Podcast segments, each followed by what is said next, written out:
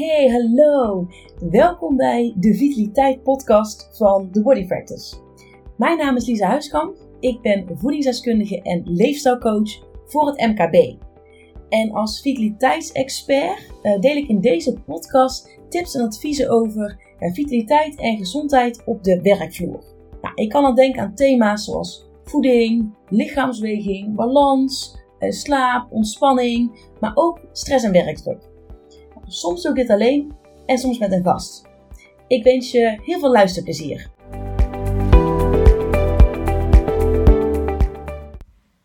Welkom bij eh, deel 2 van het interview met Flor van Hekken van Missie in Mind. Nou, de vorige aflevering, dat was deel 1 van het interview, hebben we natuurlijk al over een aantal onwijs leuke onderwerpen gehad.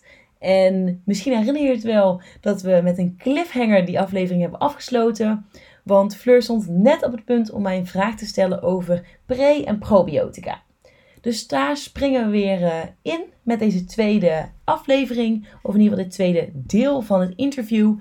En in dit tweede deel gaan we het ook nog over een aantal andere onderwerpen hebben, waaronder balans en gezondheid op de werkvloer. Dus waar is de gezondheid van de medewerkers nou afhankelijk van?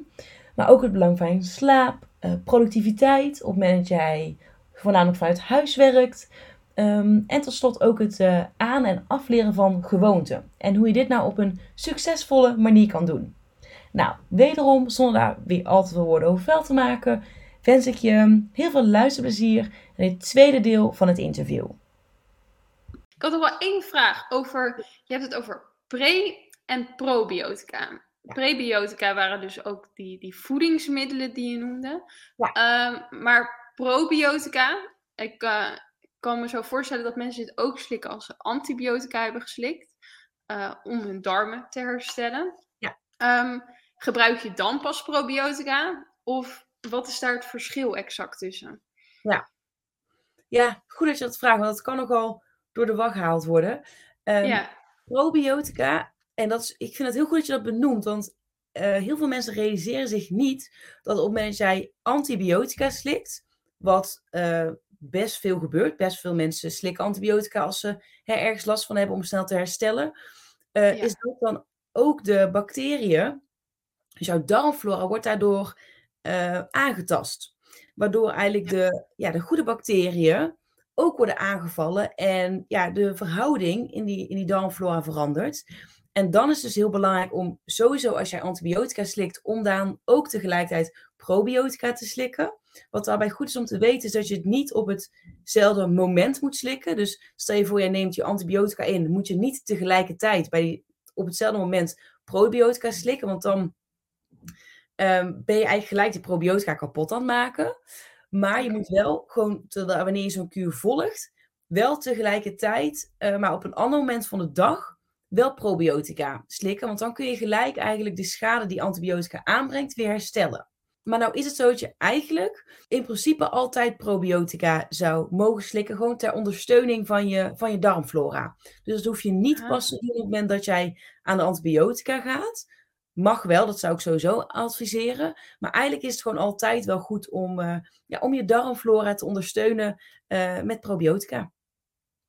Ja, ik denk ook dat het wel heel erg belangrijk is dat, dat hier aandacht voor is. Want mhm. heel veel mensen weten, denk ik ook, hebben er ook helemaal geen weet van dat antibiotica zoveel eigenlijk schade kan toebrengen aan je darmen. En um, dat probiotica überhaupt bestaat. Um, ja, dus dat is inderdaad het verschil daartussen is inderdaad wel uh, belangrijk om te weten. Ja. Dit gaat allemaal over darmen. We gaan even naar een ander onderwerp overstappen. Ja. En dat is het onderwerp, um, iets heel anders. Balans en gezondheid op de werkvloer. Want ja. Um, nou ja, je, je, weet veel dus van voeding af. Je hebt net wat veel over voeding verteld.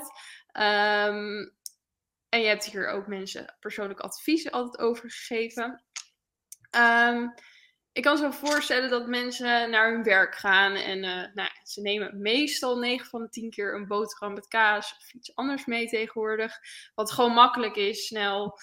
Um, wat snacken tussendoor, maar ze zitten ook de hele dag stil op hun werkplek. Ze lopen misschien even heen en weer of even een rondje buiten. Um, maar dit is volgens mij niet voor een menselijk lichaam een hele gezonde balans tussen ehm, voeding en lichaamsbeweging. Want ja, je hersenen draaien de hele dag op volle toeren. Ze moeten hard voor je werken. Maar je geeft ze eigenlijk misschien een klein stukje beweging en een boterham ehm, en wat extra's. Maar medewerkers zijn wel de aders voor de organisatie. Die moeten het werk leveren, die moeten keihard werken, die moeten resultaten afleveren. Mhm. Ehm, ja, waar is een goede gezondheid van medewerkers dan precies afhankelijk van? Wat, wat kan er aan gedaan worden dat medewerkers zo vitaal mogelijk op de werkvloer rondlopen?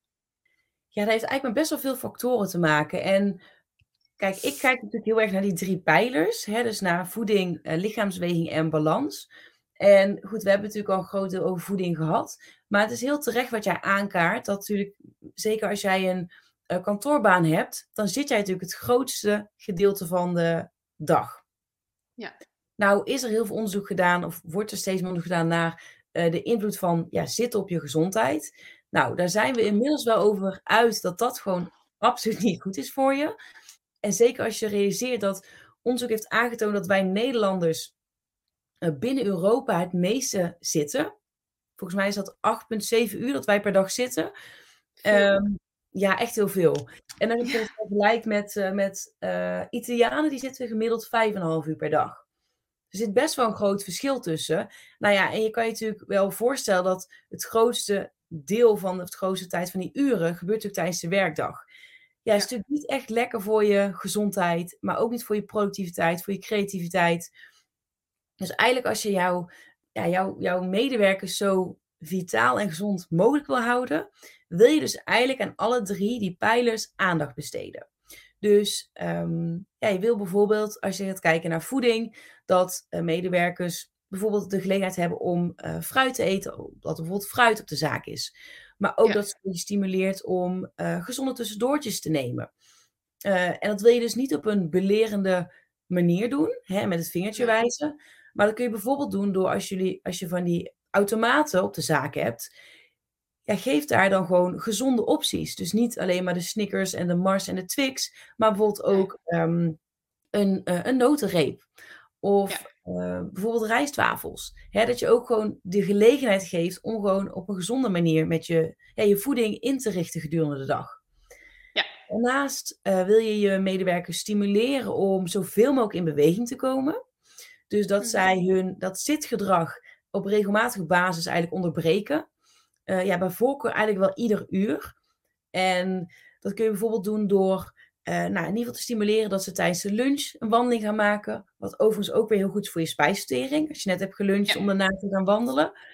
Of bijvoorbeeld wandelen vergaderen. Op het moment dat jij met twee of drie mensen een vergadering hebt, is dat natuurlijk ideaal om dat gewoon lekker in de buitenlucht te doen. Ja, heel simpel ook eigenlijk.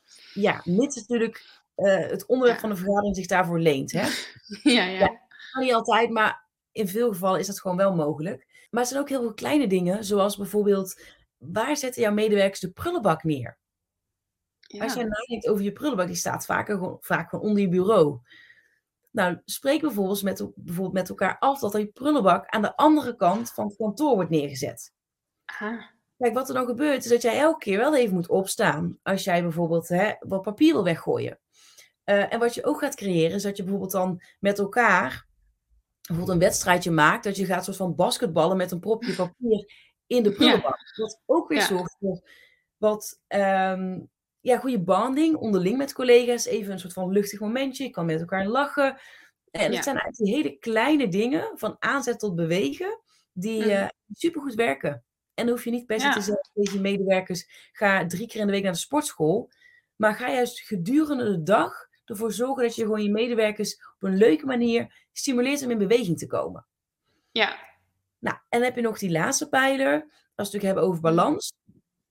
Um, goed, dan is het natuurlijk gewoon heel belangrijk dat je, uh, ja, dat je eigenlijk de medewerkers ook de gelegenheid geeft om regelmatig even te, ja, ontspanning te creëren. En even ja, loskomen van het werk. Zeker als je kijkt okay. naar productiviteit en creativiteit.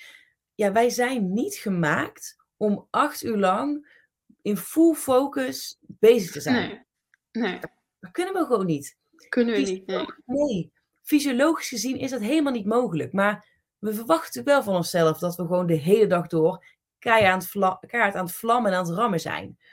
Ehm, dus eigenlijk wil je ook een ruimte creëren op kantoor. Ik, dan bedoel ik niet per se één ruimte, maar gewoon het hele kantoor wil je eigenlijk zo inrichten dat het ook aanzet om ja, af en toe even te ontspannen. Dus bijvoorbeeld dat je lekker naar buiten kan kijken. Of dat je even uh, een blokje om kan. Um, of dat je gewoon even bij je laptop of bij je computer weggaat. Of dat mensen onderling gewoon even met elkaar kunnen kletsen bij het koffiezetapparaat. Want dat zijn allemaal hele kleine ontspanningsmomenten. Wat vaak niet zo wordt gezien, maar wat wel voor de mentale druk die je krijgt van werk heel belangrijk is. Ja. En wat ook nog vaak wel ontbreekt, maar wat heel belangrijk is, om ook eens met elkaar te hebben over, over slaap. En over bijvoorbeeld een powernap doen op het werk. Is best wel een beetje not done eigenlijk. Ja. Terwijl als je bijvoorbeeld in Japan. In Japan is heel grappig, hebben ze daar zelfs een bepaalde term voor. En nou kan ik even niet komen op wat die term precies is. Nou, durf ik zo even niet te zeggen. Maar wat daar die eigenlijk op neerkomt, is op het moment dat jij in een vergadering zit en jij valt in slaap, dan mm. zien ze dat juist als compliment en juist als iets heel goeds. Want dat betekent dat jij zo hard werkt dat je mm-hmm. ja, moe wordt van hoeveel inzet jij toont. Dus Aha. eigenlijk hmm. juist als heel goed gezien dat jij even zo wegdommelt tijdens een vergadering. Terwijl, ja, denk er maar eens aan dat jij hier in de westerse wereld, in de westerse wereld zou dat echt gewoon eigenlijk misschien wel heel asociaal overkomen. Um, ja, je hebt dan geen interesse, wordt hier dan gezegd. Nou, precies. Terwijl daar zeggen ze, zeggen juist, oh, dat is hartstikke goed, want jij werkt zo hard dat je, dat je gewoon moeder van bent. En dan ja. vinden ze dat juist alleen maar als, bijna als compliment dat jij tijdens een vergadering in slaap valt. Ja. Um, maar goed, ook dat onderwerp slaap is gewoon echt iets um, wat onwijs belangrijk is voor de, uh, ja, de vitaliteit en gezondheid van je medewerkers. En wat ook een link heeft met stress. Uh, en daarom zijn die ontspanningsmomenten zo belangrijk.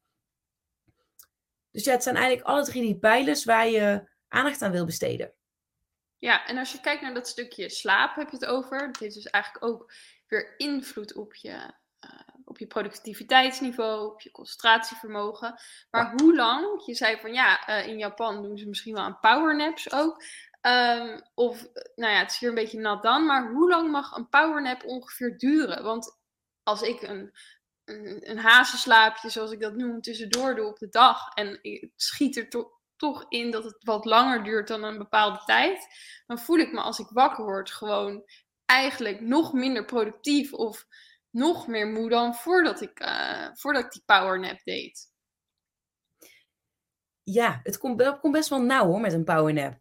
Um, Want wat er eigenlijk dan gebeurt op het moment dat jij daarna vermoeider wakker wordt, dan heb je doorgaans na te lang geslapen, waardoor je eigenlijk al een slaapcyclus ingaat.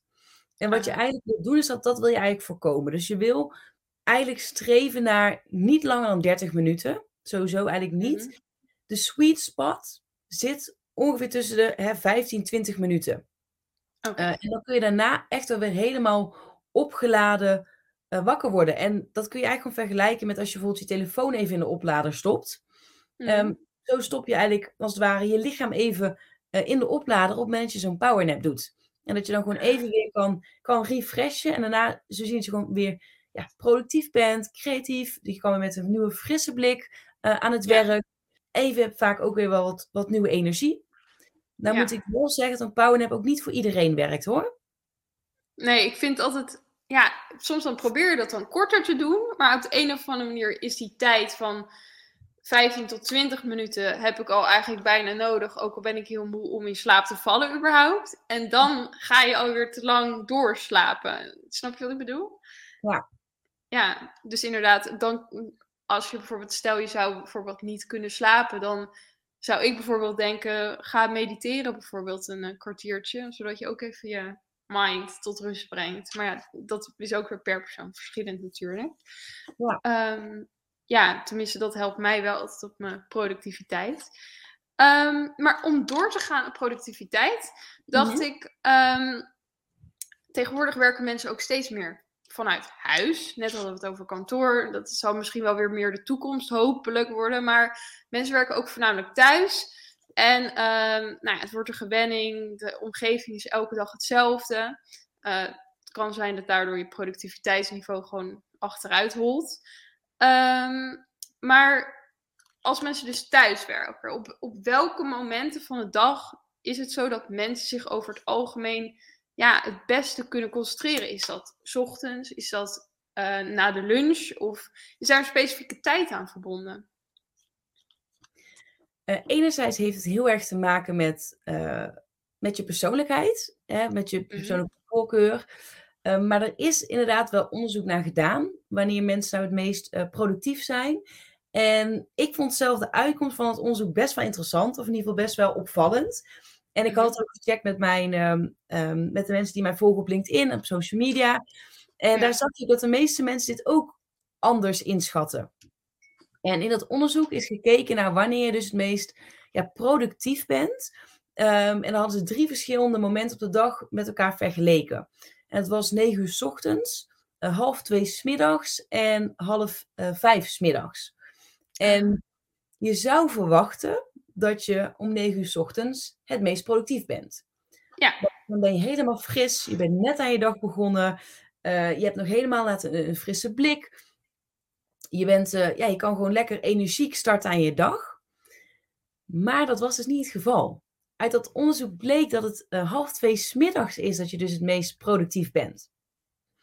En waar heeft dat mee te maken? Uh, dat heeft te maken met die biologische klok waar we het eerder al over hebben gehad. Want okay. de biologische klok, die is eigenlijk, dat die, wordt die geregeld en gereguleerd door daglicht. Dus door um, ja, ja, de verschillende momenten op de dag wanneer het dus het meest licht is en ook wanneer het donker is. En zo weet je lichaam bijvoorbeeld als het inderdaad donker wordt van oké, dan is het tijd om rustig te worden, uh, om je klaar te maken voor de slaap. Okay. En om half twee smiddags is over het algemeen natuurlijk het meest uh, lichte dag van het, of lichte moment van de dag. Dus hè, de zon is het meest fel, je hebt het meeste daglicht. En dat is dus ook wanneer eigenlijk jouw lichaam het signaal krijgt vanuit je biologische klok dit is het moment dat we het volledig aan moeten staan. Dat we productief moeten zijn, dat we het meeste energie nodig hebben. En dat ah. kwam dus uit het onderzoek, dat je zag dat mensen dus daarom om half twee smiddags ja, eigenlijk het meest productief zijn. En ja, dat gezegd hebbende, uh, vind ik het wel belangrijk dat je alsnog bij jezelf wel te raden gaat van ja, wanneer ben ik nou het meest productief? En het hoeft dus niet per se zo te zijn dat het voor jou ook half twee smiddags is. Maar nee. ja, uit dat onderzoek is dat wel gebleken. En dat is dus wel gewoon interessant om daar um, ja, bij jezelf eens ja, dat na te gaan van werkt dat voor mij ook zo? En als je namelijk dat ja. bij jezelf weet, dan wil je natuurlijk eigenlijk de werkzaamheden die je uitvoert gaan afstemmen op wanneer jij het meest productief bent. En bijvoorbeeld jouw mailbox, over het algemeen is dat bij mensen niet de hoofdtaak. Want daar wordt niet, nee. je vaak niet voor aangenomen en daar wordt ook niet geld mee verdiend. Dus zo'n mailbox, die wil je eigenlijk niet wegwerken op het moment dat jij het meest productief bent, het meest creatief, uh, helemaal aanstaat. Dat is eigenlijk gewoon zonde. Je wil die tijd juist investeren in uh, het uitdenken van nieuwe concepten, het werken aan een bepaald project, um, hè, dat je creatief helemaal aanstaat. Ja. Dus daarom is het goed om daar wel bij jezelf na te gaan van oké, okay, wanneer ben ik nou het meest productief op de dag en ja, hoe kan ik daar proberen mijn werkzaamheden op af te stemmen? Ja, dus eigenlijk denk ik ook wel een soort gouden tip voor mensen als ze ja, minder productief zijn of zich gewoon een beetje in een sleur voelen zitten elke dag en denken van nou ja, uh, het zal wel weer zo'n dag zijn dat ik misschien mezelf niet kan uh, focussen. Kies inderdaad een punt uit van de dag uh, die voor jou het beste is en waar jij in een korte tijd heel veel gedaan kan krijgen. En dus die biologische klok misschien ja, bij de hand nemen. Ja. Mooi, mooi. Ja. Daar had ik nog nooit zo over nagedacht. Um, heb je nog uh, een concrete tip um, om, een, uh, om een productiviteitsniveau van een uh, medewerker of ja, iemand die studeert bijvoorbeeld ook, dat kan, mm -hmm. um, ja, naar een hogere standaard te tillen voor jezelf? Nou, dan zou ik in eerste instantie echt inderdaad kijken, of in ieder geval het advies geven van Hegge, word eens vriendjes met je biologische klok. Okay. En als je naar je, je, ja, je energieniveau bijvoorbeeld echt even een, um, een boost wil geven, uh, ja, ga dan gewoon op het piekmoment even naar buiten toe. En dat hoeft absoluut geen uur te zijn, maar gewoon even in de buitenlucht zijn. Even de zon, als die schijnt, op je ja. Maar goed, ja, weet je, heel veel dagen van het jaar in Nederland zijn niet super zonnig, maar toch even dat daglicht opzoeken. dan merk je gewoon absoluut dat je daarna weer even een boost hebt gekregen. Dus dat is eigenlijk wel de, ja, de belangrijkste tip die ik wil geven is, ga gewoon sowieso in ieder geval één keer per dag lekker naar buiten toe. Ga gewoon even wandelen, frisse neus halen, even gewoon afstand doen van jou, van je laptop, van je werk. Ehm, en probeer dan, ga dan niet bijvoorbeeld zitten bellen als je aan het lopen bent. Weet je, als je dan bijvoorbeeld een telefoontje pleegt, want hè, dan kun je die tijd tenminste nog goed indelen. Maar zie het ook echt even als afschakelmoment en echt even loskomen van ja, je werkzaamheden en van je werkdag. Even een bewust momentje. Dat je eigenlijk even bij jezelf incheckt van hé, hey, hoe gaat het met me? Uh, Hoe voel ik me? Ehm, ja, eigenlijk ook weer een soort meditatief momentje, maar dan gewoon in de buitenlucht uh, met een wandeling en beweging, lichaamsbeweging. Het is natuurlijk ook weer volgens mij heel goed voor je hersenen als je uh, in beweging brengt. Dat dat ook weer processen teweeg brengt. Ja, ja, absoluut. En dat is bijvoorbeeld ook een van de redenen dat ik, ehm, zeker nu in deze tijd, heb ik natuurlijk heel veel online trainingen verzorgd. Uh, nou ja, dat gaat natuurlijk zo dat mensen natuurlijk achter een laptop zitten uh, en naar een schermpje staren. Nou, dat doen we eigenlijk al de hele dag. En mhm. om mensen dan bijvoorbeeld anderhalf uur echt geboeid te houden en te zorgen dat zij nog steeds de informatie kunnen opslaan um, en dat ze gewoon het, dat het ook leuk blijft, zorg ik mhm. ook altijd voor een, uh, voor een energizer halverwege. Dus dan ongeveer na drie kwartier uh, ga ik mhm. even bewegen met de mensen. Dan gaan we even okay. gaan we even lunches doen, we gaan even uh, jumping jacks met elkaar doen. En in het begin, als je dat dan, als dat vertel van, hè, we gaan nu, het is nu tijd voor Energizer, dan zie je mensen een beetje kijken van, hmm, uh. wat is dit? Moet ik hier aan meedoen? Maar uiteindelijk merk je wel, als je even vijf minuten met elkaar hebt bewogen, nou, ten eerste is het gewoon onwijs leuk, want je ziet al je collega's in het schermpje meespringen en doen. Dus dat is ja. ook echt een heel leuk moment. En, ook wel vrolijk. Ja, en je zorgt even breek, je staat even op, je, je doorbreekt het zitten.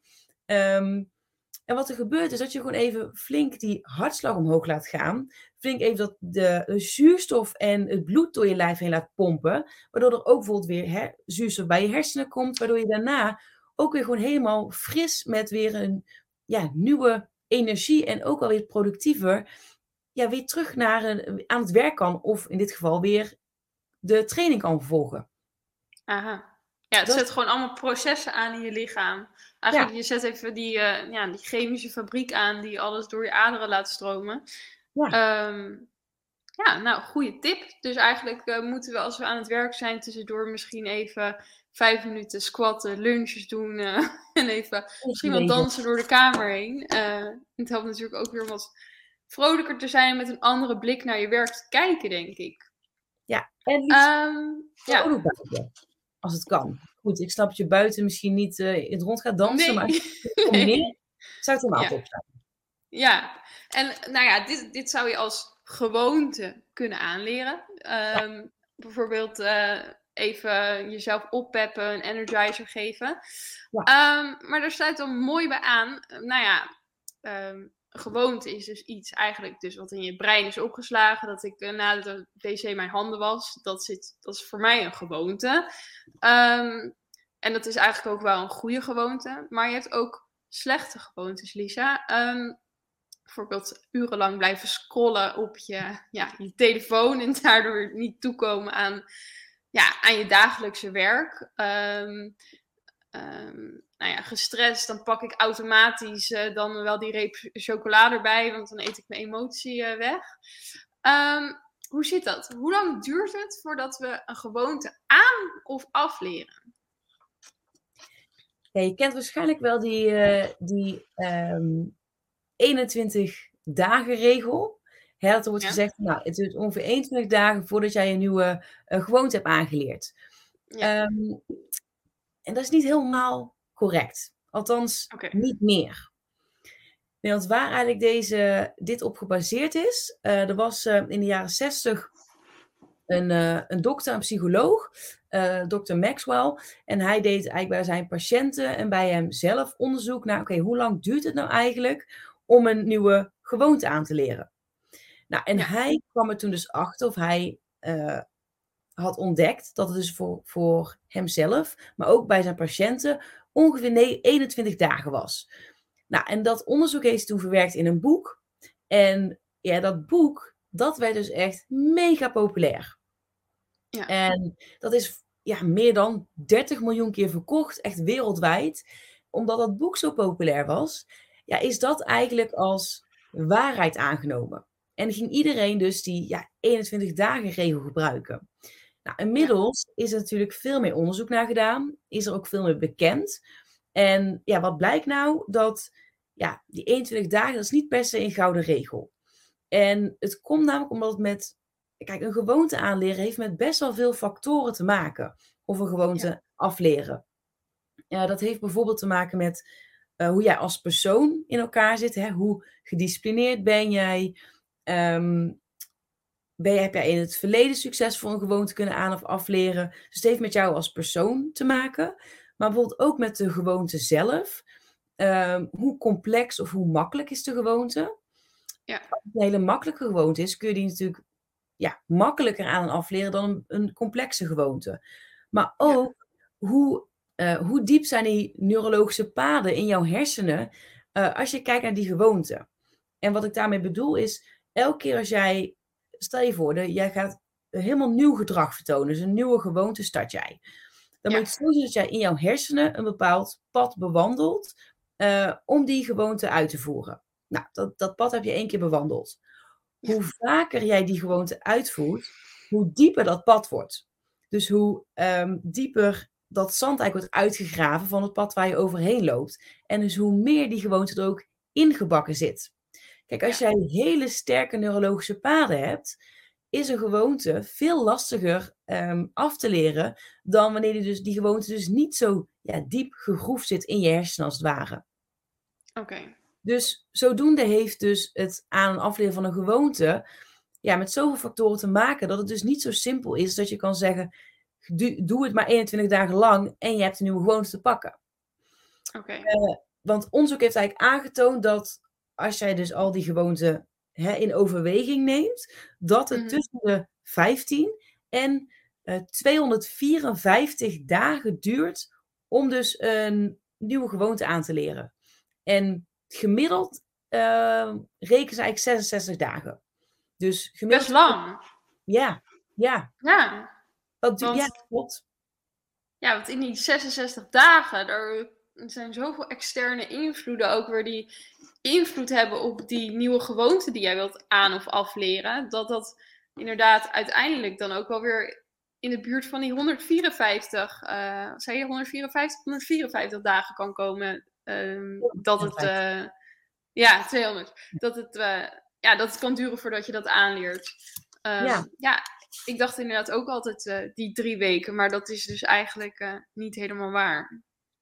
Nee, het kan wel, hè? Het kan absoluut. Het kan. Heel erg afhankelijk van jou als persoon en ook van uh, ja, hoe complex die gewoonte dan is, um, hoe lang je die gewoonte hebt gehad, hoe makkelijk de nieuwe gewoonte is, hoe, hè, waar je hem naar wil ombuigen. Dus het kan best drie weken zijn, maar ja, het kan stel je voor, het gaat over een bepaalde gewoonte. Ja, bijvoorbeeld inderdaad je handen wassen na het, dat je naar wc bent gegaan. Kijk, bij jou zit dat er misschien na zeven dagen al in die gewoonte. Terwijl iemand ja, anders ja. ook diezelfde gewoonte veel langer kan doen. Ondanks dat het natuurlijk wel gewoon een vrij simpel, vrij simpel gedrag is wat je vertoont. Maar toch kan bij iemand anders wel een andere hoeveelheid dagen duren. Ja. Um, heb ik nog een vraag. Hoe kan je uiteindelijk een gewoonte succesvol aan- en afleren? Welke um, tool gebruik je daarvoor? Volgens mij las ik iets van de habit loop. Um, hoe, zit dat, hoe zit dat, die, uh, ja, die loop? Ja, uh, nou, het is inderdaad goed om je te realiseren als je um, een bepaalde gewoonte wilt aan- of afleren, dat ja. eigenlijk uh, al ons gedrag, dus alle gewoontes, eigenlijk plaatsvinden um, in een habit loop. En wat houdt okay. dat in? Die habit loop die bestaat uit ja, eigenlijk drie factoren, drie mm-hmm. fasen. Fase kun je het beter okay. noemen. Um, nou, wat er in eerste instantie gebeurt, is dat jij een bepaalde trigger krijgt. En dat is eigenlijk de cue voor jouw hersenen om bepaald gedrag te gaan vertonen. En ik zal daar nog een heel praktisch voorbeeld geven, waardoor het echt meteen duidelijk wordt hoe dit in zijn werking gaat. Ja. ja. Start met een trigger. Vervolgens ehm, komt een bepaalde routine, dus een bepaald gedrag, um, vindt er plaats. En daarnaast, daarna komt er een reward. Dus je krijgt een beloning voor dat gedrag. Nou, en als je dit mhm. dus heel praktisch maakt, ziet het er dus zo uit. Stel je voor jou uh, op je telefoon. Ik denk dat um, dit een voorbeeld is wat, waar iedereen zich in herkent. Mhm. Je krijgt een melding van Instagram dat iemand jou een nieuwe like heeft gegeven. Of uh, een, uh, een, reactie heeft geplaatst. Dat is een trigger. Jouw hersenen, je, ja, je ziet, oh, er is iets binnengekomen op Instagram. Dat is een trigger. Vervolgens open je Instagram, want je wil graag zien wat er aan reactie is geweest. Of, wat, of je een nieuwe like hebt gehad. Nou, dan zit je op Instagram, je hebt dat gedrag vertoond, je hebt Instagram geopend. Die beloning is vervolgens dat, er, dat je een shot dopamine krijgt in je hersenen. Omdat je, yes, ik heb weer een like. Of yes, ik heb een leuke reactie gekregen. Nou, en dat is dus eigenlijk het hele gedrag wat plaatsvindt, of de hele gewoonte. Dus elke keer als jij dan een nieuwe melding ziet, of bijvoorbeeld dat jij in het icoontje op je telefoon een 1 ziet staan, zo'n rode 1, dan word je weer getriggerd. hey, er is iets binnengekomen. Ik wil weten wat het is. Je ja. Instagram. Je krijgt weer een dopamine shot van, oh yes, weer een nieuwe like erbij. Hup, ben je weer een keer die habit loop door, heb je die weer een keer doorlopen. En hoe vaak je dat dan doorloopt, hoe sterker dus dat neurologische pad wordt, waar ik het net over had.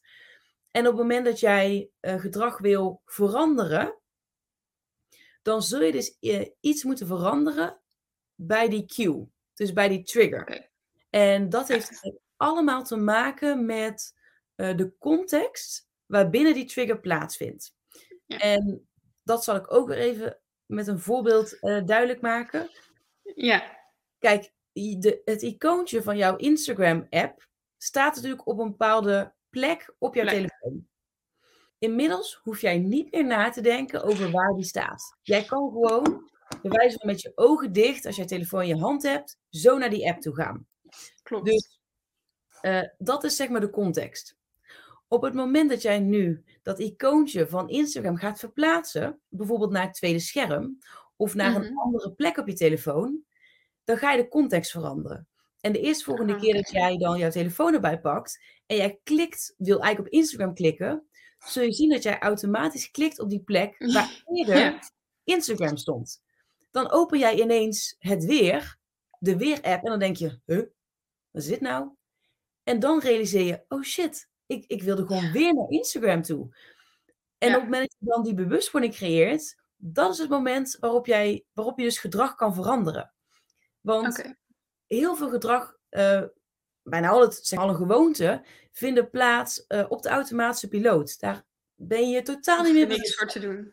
Nee. Ben je niet meer bewust van. Um, en door eens iets in die context te veranderen, creëer je een moment van bewustwording. En kun je eigenlijk even een soort van als het ware, je, je snapt even uit die habit loop, waardoor je denkt, hé verrek, dan wil ik het weer doen. Nee, dat wil ik helemaal niet. Hup, je legt het weg en je kan doorbreken. Kijk, dit is natuurlijk best wel simpel gezegd, hè, maar... Ja, natuurlijk. Vaak moet je natuurlijk gewoon op een simpele manier uitleggen om ja, duidelijk te maken hoe het zeg maar werkt. En dit kun je dus voor elk gedrag wat jij hebt, kun je dit uh, inzetten. Dus okay. door de context te veranderen, creëer je bewustwording en creëer je dus eigenlijk een moment dat je je realiseert: hey, wil ik wel of niet doorgaan met dit gedrag? Oké, maar vooral dat stukje dat je opeens bewust wordt van het feit dat je een bepaalde gewoonte hebt die je misschien niet heel graag ja, heel graag heb. Dus bijvoorbeeld inderdaad dat Instagram-icoontje. Ehm, ik heb het een keer een week lang, iets langer dan een week, bijna twee weken, geen social media gebruikt. Dus al mijn mhm. apps van mijn telefoon verwijderd. En ik merkte gewoon in die eerste paar dagen dat ik misschien wel om de 10 minuten mijn telefoon pakte en onbewust naar het Instagram-icoontje wilde gaan, terwijl hij daar helemaal niet meer stond. En dan klikte ik erop en dan klikte ik inderdaad op een andere app, of ik klikte en er gebeurde niks. Ehm, maar dit laat inderdaad wel zien dat je. Toen werd ik bewust van het feit van: hey Fleur, dit is gewoon echt nat dan. Um, je zit eigenlijk gewoon veel te veel op die app. En daardoor heb ik eigenlijk ook geleerd om het gebruik van die app helemaal te verminderen. Ehm, door die bewustwording en doordat ik het, het feit dat ik dat cirkeltje heb eigenlijk een soort van heb doorbroken, omdat die, dat ik me er bewust van was. Ja. Ehm, maar wel door iets aan te passen, waardoor dat optrad, zeg maar. Is een mooie, mooie voorbeeld van je uh, over die loop. Um, ja. ja. We hebben echt wel veel. Ja. Ik denk voor iedereen wel herkenbaar, namelijk, als je het hebt over social media. Zeker, heel herkenbaar. En zeker ook omdat we tegenwoordig uh, zijn we bijna verknocht aan dat ding, uh, omdat daar ook eigenlijk alles op gebeurt. Heel veel mensen hun werk bevindt zich tegenwoordig dus ook op Instagram, dat van jou waarschijnlijk ook. Bevindt zich ook op LinkedIn, daar hou je toch ook contacten uit en daar hou je ook uit dat je daar content kan plaatsen. Dus dan bevind je er al vaak op. Ja. Um, ja, maar we moeten daar ook weer die balans in houden natuurlijk. Dat we dat stukje niet te veel doen. Ja, zeker. Um, omdat het ook weer uh, iets een factor kan zijn om onze productiviteit uh, onderuit te halen. Klopt.